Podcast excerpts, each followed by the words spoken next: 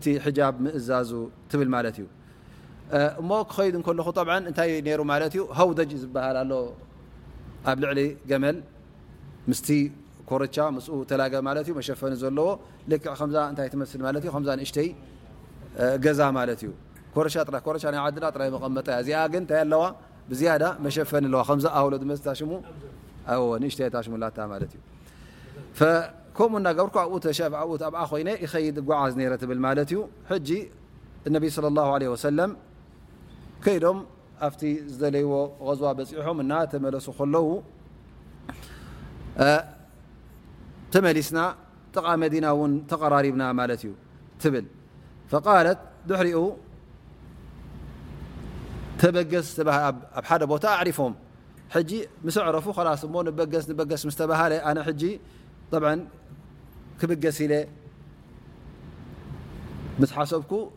ሓ ማለት ንሽንቲ ማይ ገለ ኢለ ከይደ ኢላ ማለት እዩ ምክንያቱ ጉዕዞ ስለ ዝኾነ ከይተበገሱ ከሎ ምእንቲ ሸና ንክትመፅእ ኢላ ን ኣርሓቅ ኣቢላ ከይዳ ትመለስ ማለት እዩ ስተመለሰት ሕጂ ትብል ፈለመስቱ ሰድሪ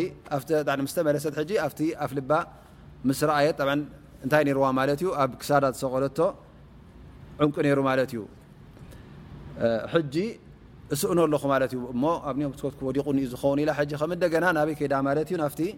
ዝነበረቶ ቦታ ክደሊ ከይዳ ማለት እዩ ጠብዓ እቲ ግዜ እውን ጌና ለይቲ እዩ ነይሩ ሽዑ ፅልምት ኢሉ እዩ ነይሩ ማለት እዩ ክደልዮ ምስ ከደት ፈረጃዕቱ ቃለት ፈልተሚስቶ ዕቕዲ ኣብሓት ክደልዮ ከይደ ምስ ከትኩ ሕጂ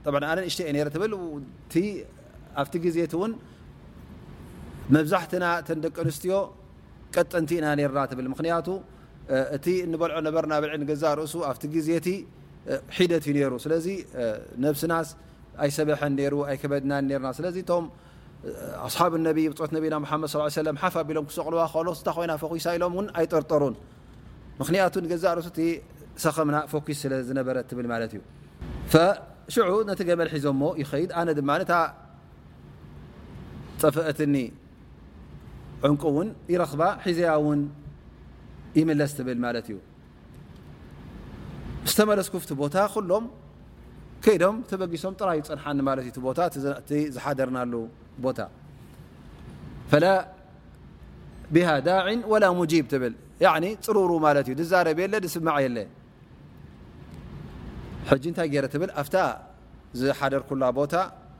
ኣብኣ ከይደ ኣብኣ ኮፍ ክብል እሞ ዳሕራይ ምስ ሰኣሉኒ እምለሱ ንኾኑ ኢላ ናብኣ ኮፍ ብል ማለት ትብል ኣብኣ ሕጂ ኮፍ ኢለ ከለኹ እቲ ግዜ ስለ ዝነውሐ ድቃስ እውን ኣብኡ ከለኹ ዓይነይ ስዒሩኒ ይድቅስ ትብል ማለት እዩ ሰፍዋን እብን ሙዓጠል ሕጂ ነቢ ስ ሰለም ሕጂ እንታይ እዮም ዝገብሩ ነይሮም ማለት እቲ ዓስከር ኩሉ ምስ ተበገሰ ጌና ብድሕሪኦም ሓደ ክልተ ንክተርፉ ይእዝዝዎም ማለት እዩ ምክንያቱ ፅንሕ ኢልኩም እስኹም እቲ ቦታ ዝነበርናዮ ኩሉ ዳህስስዎ ምናልባሽ ዝወደቀ ነገር ዘሎ ገለ ተሎስ ተማሊእኩሞ ትመፁ ኢሎም ከምኡ እዮም ዝገብሩ ነይሮም ማለት እዩ ኣብ ኩሉ መገሻ ሓደ ክልተ ብድሕሪት የትርፍዎም ነይሮም ማለት እዩ ሕጂ ሶፋን እብኑ ዓጠል ንዕኡ ተሪፉ ማለት እዩ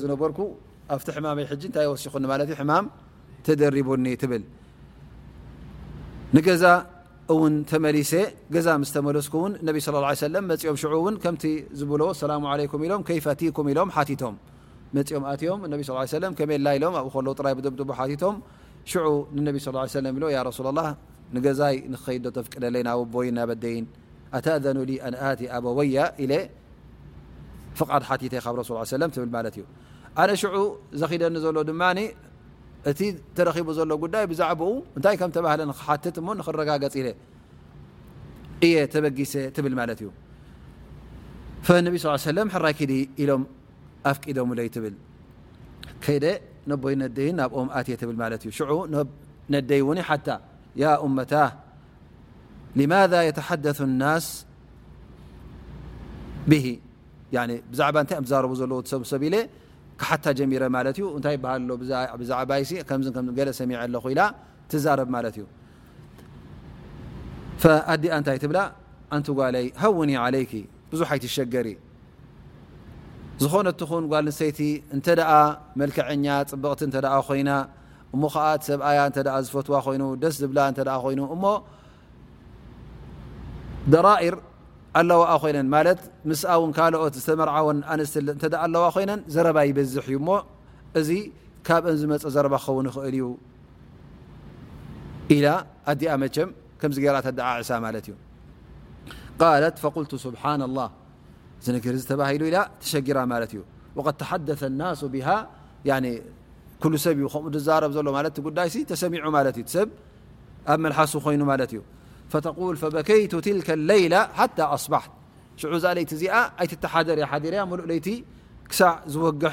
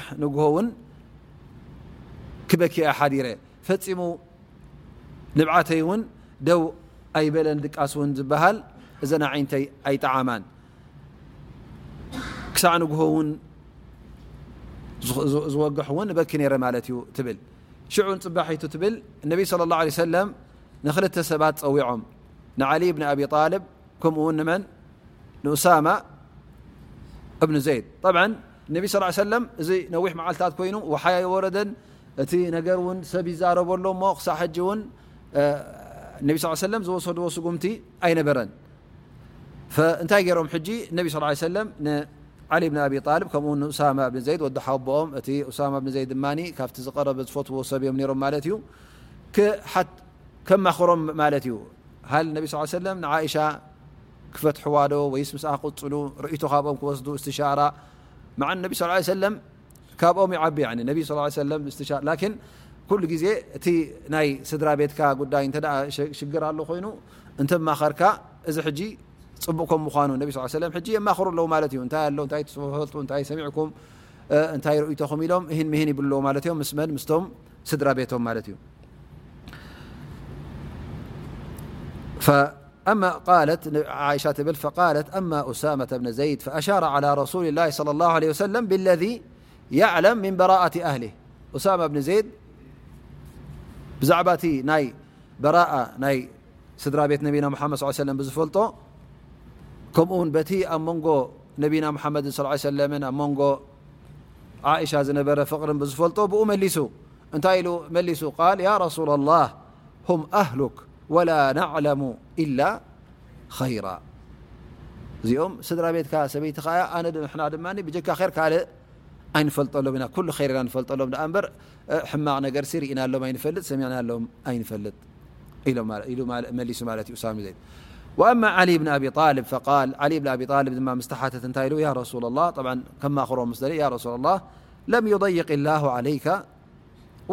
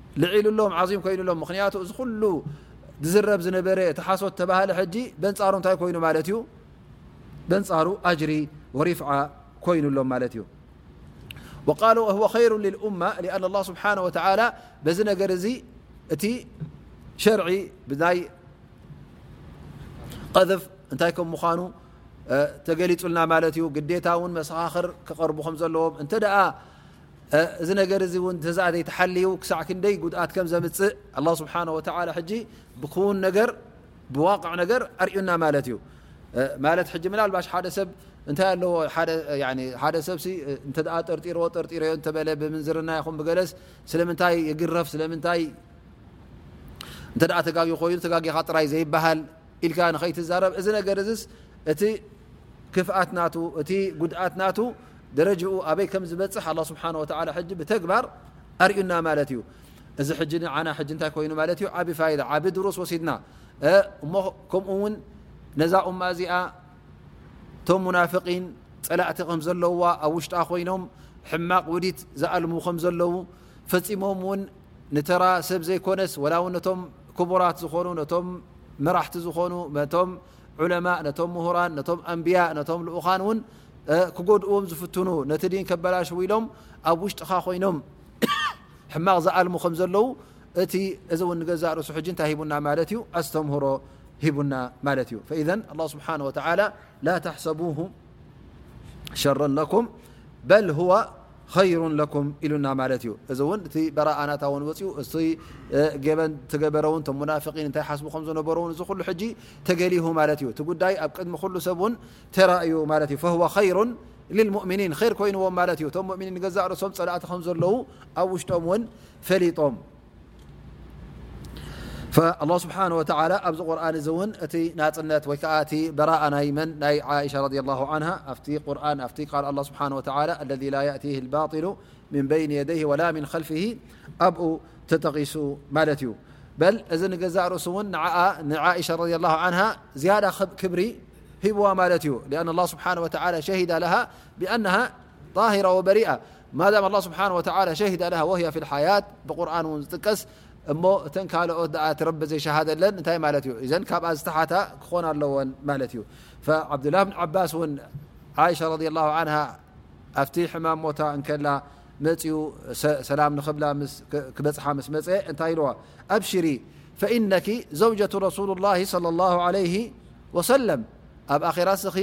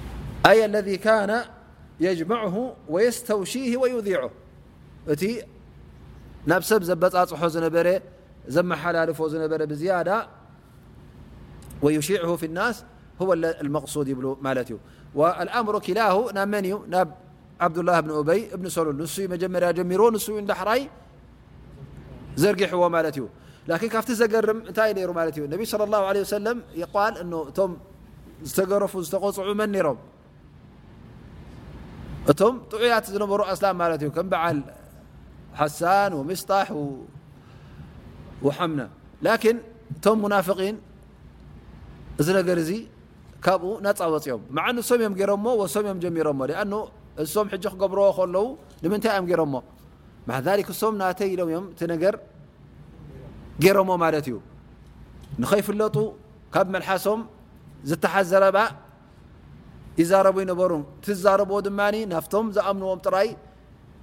የመሓላልፍዎ ነሮም እሱ ኢሉ ፍላን ኢልዎ ዘይብሉ ሰባት ንዕኦም ዝመስሉ ሙናፍቒን ሽዕኡ ብቤላ ቤለው ከም ዝዝርጋሕ ይገብሩ ነሮም ስለዚ ካብቶም ሙናፍቒን ተተሓዘ ዘረባ ማለት ውፁእ ዘረባ ኣይነበረን ማለት እዩ ኣብኡ ከሎ ናይ ሓፈሻዊ ዘረባ ናይ ዓም ዘረባ እንታይ ተባሂሉ እንታይ ዝስማዕ ዘሎ እናበሉ ጥራይ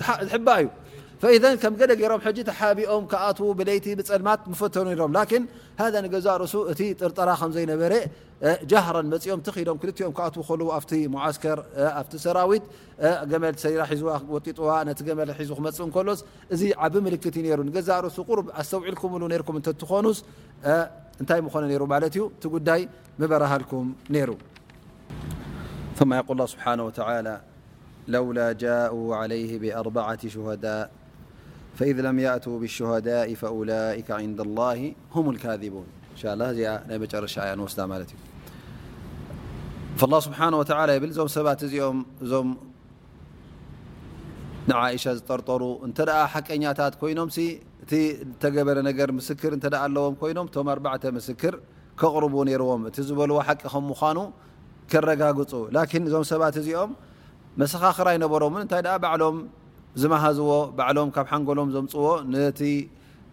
እስልምና ንኸካፍኡ ንነቢ ሙሓመድ ሶለ ላሁ ዓለይሂ ወሰለም ንስድርኡን ንኸጸልሙ ዝተባህለ ነገር ስለ ዝኾነ እዞም ሰባት እዚኦም እቲ ዝበልዎ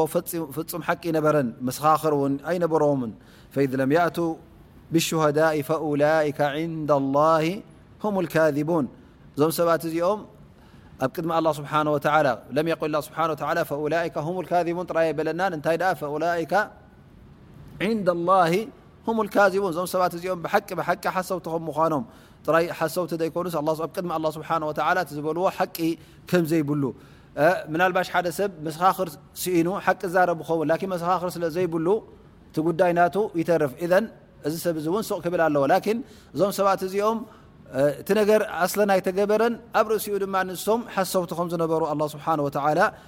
ይሕብረና ማለት እዩ ኣርባዕተ መሰኻኽር ከቕርቡ ይክእሉ ዝሓዝዎ መሰኻኽር እውን ኣይነበሮምን ፈዘን ሃኡላኢ ፊ ሕኩም ላ በቲ ኣላ ስብሓን ወተላ ውሳነ ናቱ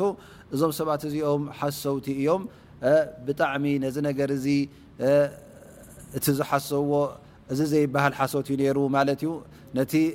ህዝቢ እስልምና ኩሉ ነቢ ስ ሰለም ይኹን ነቶም ሰዓብቶም ነቶም ብፆቶም ብጣዕሚ ኣሸጋሪ ዝኾነ ነቲ ህብረተሰብ እስልምና እዩ ነይሩ ማለት እዩ والله ስብሓን ወተላ ከዓ ንወርሒ ዝኣክል እቲ ጉዳይ ወሓይ ከየውረደ ከይገለፆ እንከሎ እውን ብምፅንሑ እንታይ ኮይኑ ማለት እዩ እቲ ሙናፊቅ መን ከም ምኳኑ እንታይ ይብሉ ከም ዘለዎ እውን ኩሉ ኣብቲ ህብ ማሕበረሰብ ኣስልምና እውን ተፈሊጡ ማለት እዩ ናይ ሎሚ ደርስና በዚ ደው ነብሎ እንሻ ላ ተላ ላኪን ተሪፉ ዘሎ ደቃይቅ እተን ፋይዳ ዝሓዝናየን ሎምዓልቲ እዛ ዝሰማዕናያ ዛንታ ናይ ኢፍክ ቅሰት ልኢፍክ እዚኣ ሕጂ ነዋሕ ዛንታ ኣያ ኣገዳሲት ዝኾነት ኣብ ታሪክ እስልምና እውን ውሪትን ፍልጥትን ዝኾነት እያ እዚኣ ውን ክሳዕ ሕጂ ነዛ ኣያ እዚኣ ወሪዳ እንኮላ እውን ኣለዉ ገለ ሰባት እውን ኣስላም ኢና እናበሉ እዞም ሺዓ እዚኦም ክሳዕ ሕጂ ዓኢሻ ናጻ ከም ዘይምዃና እንታይ ደኣ እቲ ነገር ከምቲ ሙናፊቒን ዝብልዎ ዝነበሩ ምስቶም ኣህለል ኒፋቕ እተሰርዑ ኣለዉ ማለት እዮም ኣስላም ኢና እናበሉ ከለዉ ንሕና ኣህለል ቤት ንፈቱ ኢና እናበሉ ከለዉ ሕጂ ንኣህሊ ቤት ነቢ ስለ ላሁ ለ ወሰለም ደጸልሙ ኣለዉ ማለት እዩ ስለዚ እዚ ጉዳይ እዚ ተጨረሰ ከይመስለና ገና ክሳዕ ሕጂ እውን ነዚ ኣላ ስብሓን ወተላ ኣውሪድዎ ዘሎ እቲ ናታ ናጽነትን በራእን ኣብ ቁርን ኣብፅኡ ኣውሪድዎ እንከሎ